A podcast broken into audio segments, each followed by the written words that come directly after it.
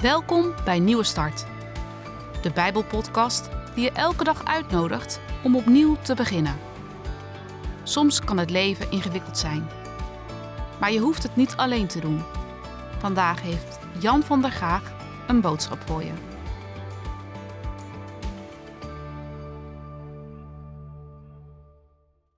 Denk je wel eens over de toekomst na? De grote toekomst. Hoe moet het met deze wereld? Klimaatcrisis, Oekraïnecrisis, energiecrisis. Alles is onzeker geworden. Waar moet het heen? We dromen van een toekomst waar alles weer mooi en goed is. Waar geen onzekerheid is. Een hemel op aarde. Wat had je gedroomd? We hebben vaker last van nachtmerries. En toch? We verwachten een hemel op aarde. Bijna te mooi om van te dromen. Maar toch. Ik lees in Daniel 2 een reactie na een droom. Daniel loofde de God van de hemel. En hij zei tegen koning Nebukadnezar: Er is een God in de hemel die verborgenheden openbaart. Hij heeft koning Nebukadnezar door een droom laten weten wat er in later tijd in de toekomst gebeuren zal. De koning van Babel, Nebukadnezar, heeft gedroomd. Niet zomaar één keer, maar verschillende keren. En verschillende keren dezelfde droom. En ook nog meerdere keren in dezelfde nacht. Hij kan er niet meer van slapen. En hij wil weten wat die droom betekent. Hij laat Daniel, een van de Joodse ballingen, bij zich komen. En om er zeker van te zijn dat hij hem niet maar wat op de mouw spelt, zegt hij dat hij heeft gedroomd, maar niet wat hij heeft gedroomd. En dat hij de uitleg wil weten. Dat lijkt een onmogelijke opdracht. Maar Daniel weet, God kan dat. Hij krijgt de tijd om met zijn vrienden in het gebed te gaan. En God laat dan Daniel de droom en de betekenis weten. Daniel is daar zo dankbaar voor dat hij de tijd neemt om God te loven en te prijzen. Daniel geeft God de eer. Als hij daarna bij de koning komt, vertelt hij de droom en de uitleg. Hij begint met te zeggen dat de koning s'avonds op bed lag te piekeren over hoe het verder moest gaan met zijn leven en met zijn koninkrijk. Dat is de bekende vraag naar de onbekende toekomst. En vervolgens droomde Nebukadnezar. Hij zag een heel groot beeld, een beeld van een mens. Het hoofd was van goud, de borst en de armen waren van zilver, de buik en de bovenbenen waren van een mengsel van koper en ijzer, dus van brons.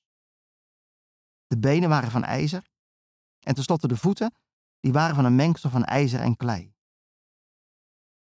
Ten slotte zag Nebukadnezar dat er een reusachtige steen uit de bergen kwam. Die steen rolde naar beneden, vermorzelde dat beeld, zodat er uiteindelijk alleen maar stof overbleef.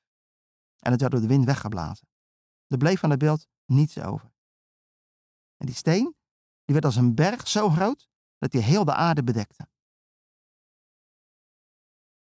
Daniel legde uit wat die droom betekent.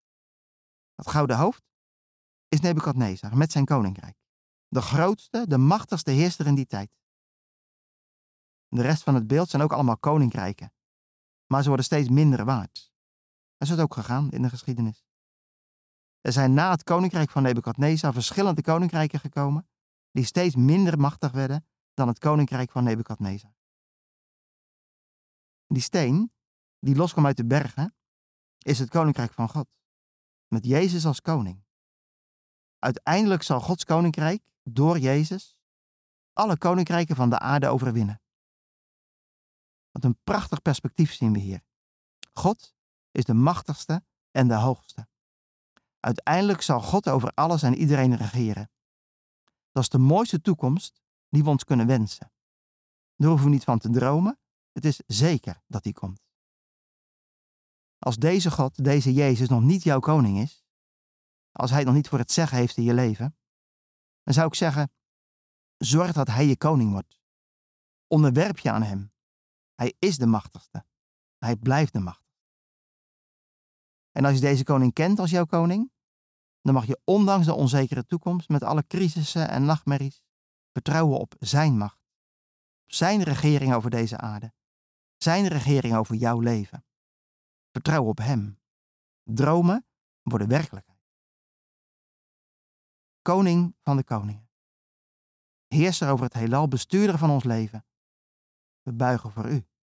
omdat u de Almachtige bent. We danken u voor het perspectief dat u geeft. De hemel op aarde.